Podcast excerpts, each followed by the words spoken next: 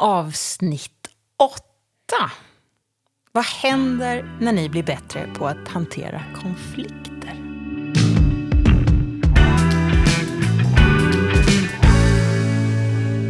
Får jag börja med ett citat? Gärna. The more you understand and know about your partner, you will become more sensitive towards your partner. This does not mean you are responsible for your partner, but you might show more acceptance. Acceptans, tolerans, förståelse. Ja, jag tänker att det handlar där, hamnar där, när vi blir bättre på att hantera konflikter.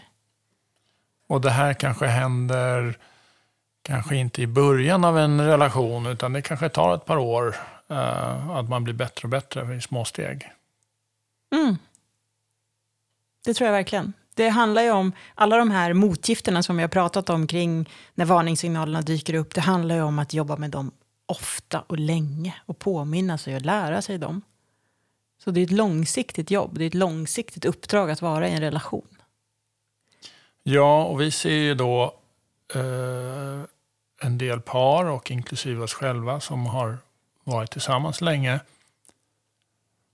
Att man släpper mer saker. Man tolererar och accepterar mer saker. Man har lärt sig att den här knasigheten, egenheten som jag tycker är skitdum. Ja, men låt henne ha den. Det kostar inte mig så där jättemycket energi. Jag lär mig att, att tolerera det. Men det är ju bara ett första steg. Mm. Och det är jättefint att man kommer dit och har den kapaciteten att, att bjuda på det. Mm. Men det finns ju fler nivåer efter att tolerera. För det orkar ju bara till en viss grad ändå, tänker jag. Toleransen är ju en medveten uppoffring kan man kalla det för. Även om den är liten, men den kostar lite energi. Jag, jag blir fortfarande galen på det där, men jag släpper det. Mm. Och vad är då eh, nirvana i det här fallet? Vad är nästa steg? Det, som är vad man verkligen vill hamna någonstans. Ja, men det är väl lite som i citatet som jag läste upp då kanske, att vi vill komma till förståelse. Alltså från tolerans och acceptans till förståelsen. För den kostar mindre energi. Om jag förstår, ska vi ta det där med knivarna nu eller? En av grejerna vi har haft i vår relation är ju att vi har väldigt fina globalknivar, heter de va? Ja. Vill du berätta om dem, Hunter?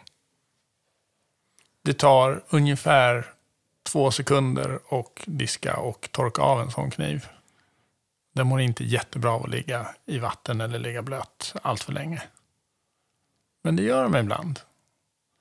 Och då kan jag bli lite besviken på att någon inte tog de här två sekunderna och gjorde i ordning dem. Och nu kan jag väl säga då att jag har kommit till en förståelse för att det här är viktigare för dig än vad jag har trott. Och då gör jag det där. För nu har jag också förstått att det tar faktiskt två sekunder. Men tidigare fick de ju oftast ligga i diskhon länge i vatten där de inte mådde bra. En liten larvig grej, men eh, har man många sådana så skapar det ju skav hela tiden. Och någon gör en uppoffring, någon blir irriterad. De här grejerna måste man hugga tag i.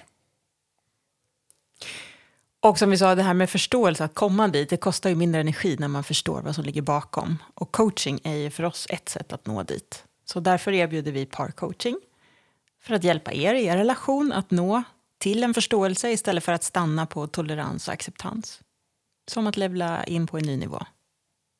Nirvana, sa du. Är det dit vi kommer när vi blir bättre på att hantera konflikter? Det är, förståelsen är svår att uppnå och i vissa områden kommer man aldrig uppnå det. Och i vissa gör man det. Och vissa kanske man gör det efter åratal av terapi och man kommer på att eh, man hade problem med brorsan eller morsan eller vad det nu var och som har påverkat dig resten av ditt liv som gör att du agerar på något vis. Det kan vara en sån lång harang, men det kan också vara mycket mindre skitsaker som går att få förståelse för. Ja, eller så kommer du till oss och tränar med oss. För du kan få massa olika övningar där det här också kan synliggöras utan att du behöver gå i terapi. Ja, Det finns genvägar också. men det är jättefint om du klarar av att ha tolerans och vara generös och ha, förstå eh, och ha eh, acceptans. Och i vissa områden så småningom få till en fin förståelse också som gör det ännu lättare för dig också att acceptera vissa saker som händer.